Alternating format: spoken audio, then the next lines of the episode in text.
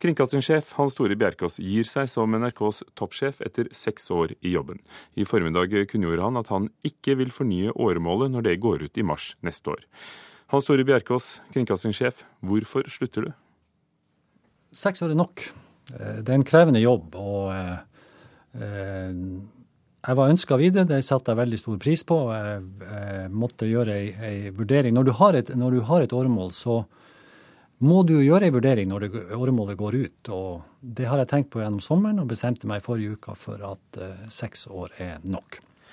I e-posten du har sendt ut i dag til uh, de ansatte, skriver du at du tror NRK har mer nytte av en ny sjef med nye ideer og en annen kompetanse enn det jeg har. Hva mener du en ny NRK-sjef må kunne? Altså som, altså min, min, erfaring og kompetanse er jo bygd opp gjennom, eh, gjennom de siste tiårene i en medieverden som var annerledes enn i dag.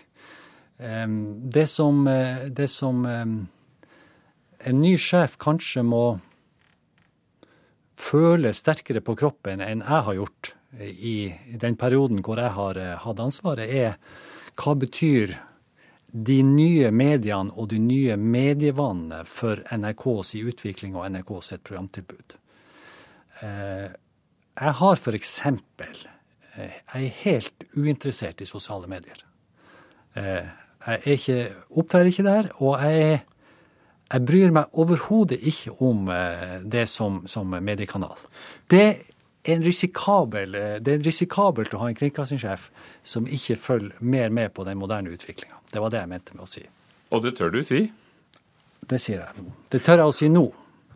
Men samtidig, Hans Tore Bjerkås, i din tid, i disse seks årene, så har NRK vært en pådriver for den digitale utviklingen. Senest i dag var det en dobbeltside i Dagens Næringsliv om kampen NRK driver for å lage en trafikkportal. Kampen mot private aktører i Norge, mot myndighetene. Under din tid har yr.no blitt lansert og blitt en av de mest populære nettstedene i Norge. Eh, og, nå lanseres det nye debattspalter. NRK.no er blitt helt omorganisert. Så du har jo vært med på den digitale virkeligheten og sørge for at NRK har klart å være blant de største? Ja, det har jeg. Og det, det, det, det har vi klart. Og den utviklinga vil fortsette. Eh, men du har jo virkelig altså tydeligvis kunnet dra i trådene? Altså, jeg, jeg, jeg klarer å følge med, og jeg klarer å forstå den digitale utviklinga. Og jeg klarer forhåpentligvis å legge strategier og planer, eller iallfall å, å være med på det i forhold til å møte den, den utviklinga. Men over tid, over tid så tror jeg du må ha en kringkastingssjef som er nysgjerrig, og som er interessert i eh, det aller siste på medieutviklingsfronten. Og der tror jeg kanskje en ny kringkastingssjef vil klare det bedre enn jeg klarer det.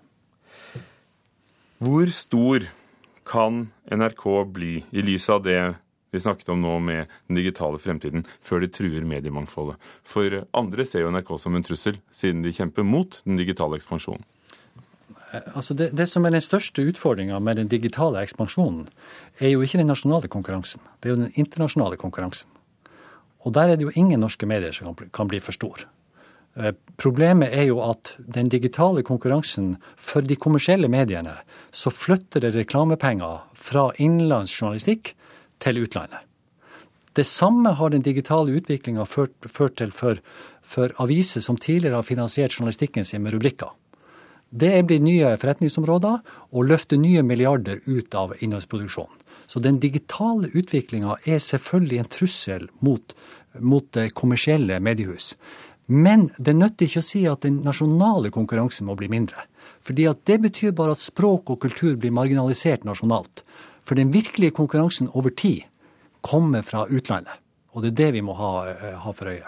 Og hva betyr det for NRK, som er foreløpig finansiert av lisensen? Det betyr at vi må holde fokus på kvalitet og på å utvikle kvalitet. For vi må, der vi tidligere deltok i Norgesmesterskapet, så deltar, deltar vi i økende grad i verdensmesterskapet. Så vi må lage attraksjoner, for, ikke minst for en oppvoksende slekt, slekt som kan konkurrere med det beste internasjonalt.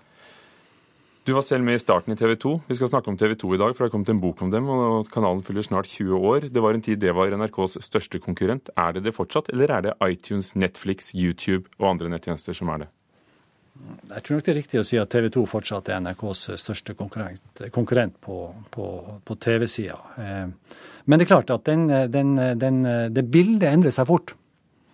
Og hvor lenge de vil være det, og hvor lenge det blir andre innholdsleverandører som konkurrerer sterkere med NRK, det er vanskelig å si. Men fortsatt er TV 2 den sterkeste konkurrenten til NRK. Du har selv år for år vært med å kjempe om mer lisens for nye prosjekter. Men tror du på lisensen som en fremtidig måte å, å lage allmennkringkasting på? For i, i, Sverige så er det foreslått å få det over på statsbudsjettet. Det er, er det partiet som foreslår her òg. Eh, det kom forslag fra en høyrepolitiker nå å gjøre som i Danmark, å kunne gi mer av lisenspengene til private aktører. Hva tror du om fremtiden for lisensen? Det, det, som, er, det, som, det som er det viktigste kriteriet for å finansiere allmennkringkasting er at det sikrer den mediebedriften sin uavhengighet. Eh, den dårligste måten å gjøre det på er statsbudsjettet. Så vi er helt innforstått med at lisensen kan diskuteres i lys av teknologiutviklinga. Men vi mener det er svært uheldig hvis det blir statsbudsjettfinansiering. Fordi da rykker politikken for nært journalistikken. Når du ser tilbake, hva har du fått til?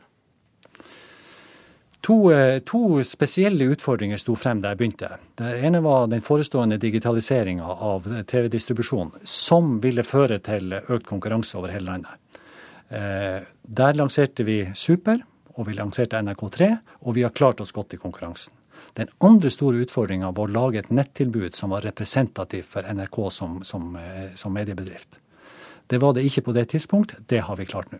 Takk skal du ha, Hans Tore Bjerkås. Knut Kristian Hauger, redaktør i bransjebladet og nettstedet Kampanje. Er du overrasket over at eh, Bjerkås eh, ikke forlenger åremålet? Ja, man er i hvert fall alltid litt overrasket når toppsjefer går. Eh, og det var ingen som egentlig gikk og ventet på det, selv om han kanskje har vridd seg litt i stolen når han har fått spørsmålet om man skal ta en ny periode. Bjerkås blir jo da den andre eh, NRK-sjefen som nå ikke tar en ny eh, åremålsperiode. Eh, Bernander, forgjengeren, hoppet også av etter seks år, og nå følger Bjerkås etter. Gjør han rett i det, sett fra ditt ståsted? Altså, Bjerkås har jo vært en uh, veldig god leder av NRK. Uh, det er i hvert fall mitt inntrykk. Uh, jeg tror han er veldig godt, en veldig godt likt sjef her på huset. Jeg tror mange syns det er en litt trist dag. Eh, Bjerkås har også vært flink i forhold til å satse på eh, de riktige tingene som, eh, som, som NRK-sjef. Og hvilke ting har han satset på? Han har vist seg som en dyktig strateg. Han var tidlig ute med å forstå at dette med å satse på norsk innhold, norsk, eh, norske produksjoner, eh, var et eh, riktig grep. Vi ser jo at de kommersielle kanalene nå, noen år etterpå, har virkelig lagt seg i selen for å bygge, bygge sendeskjemaene sine eh, med, med norsk innhold. Og det har jo en sammenheng med at eh, vi i stadig større grad får tilgang på utenlandske serier, utenlandske filmer eh, eh, via internett og via internasjonale tilbydere som nå står på grensen av Norge og banker på døren og skal inn og selge oss Hollywood-serier på abonnementsbasis. For de trenger vi ikke alltid se på TV lenger. Knut Kristian Hauger, hva slags sjef bør NRKs styre lete etter? Ja, Nå sier jo Bjerkås selv at eh, det er viktig med en sjef med digital kompetanse. Det er selvfølgelig helt riktig. Eh, jeg tror eh, allikevel ikke man skal hente inn en IT-direktør til å lede NRK.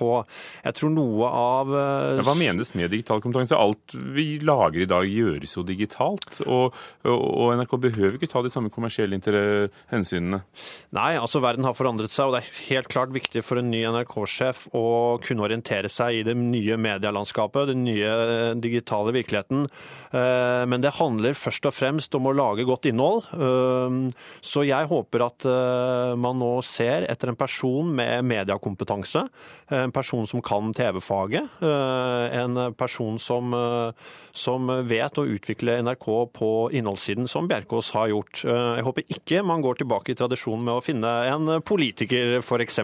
Du sitter jo midt i smørøyet som redaktør av Kampanje, og dere skriver om bransjenavn hele tiden. Har du noen navn på listen din?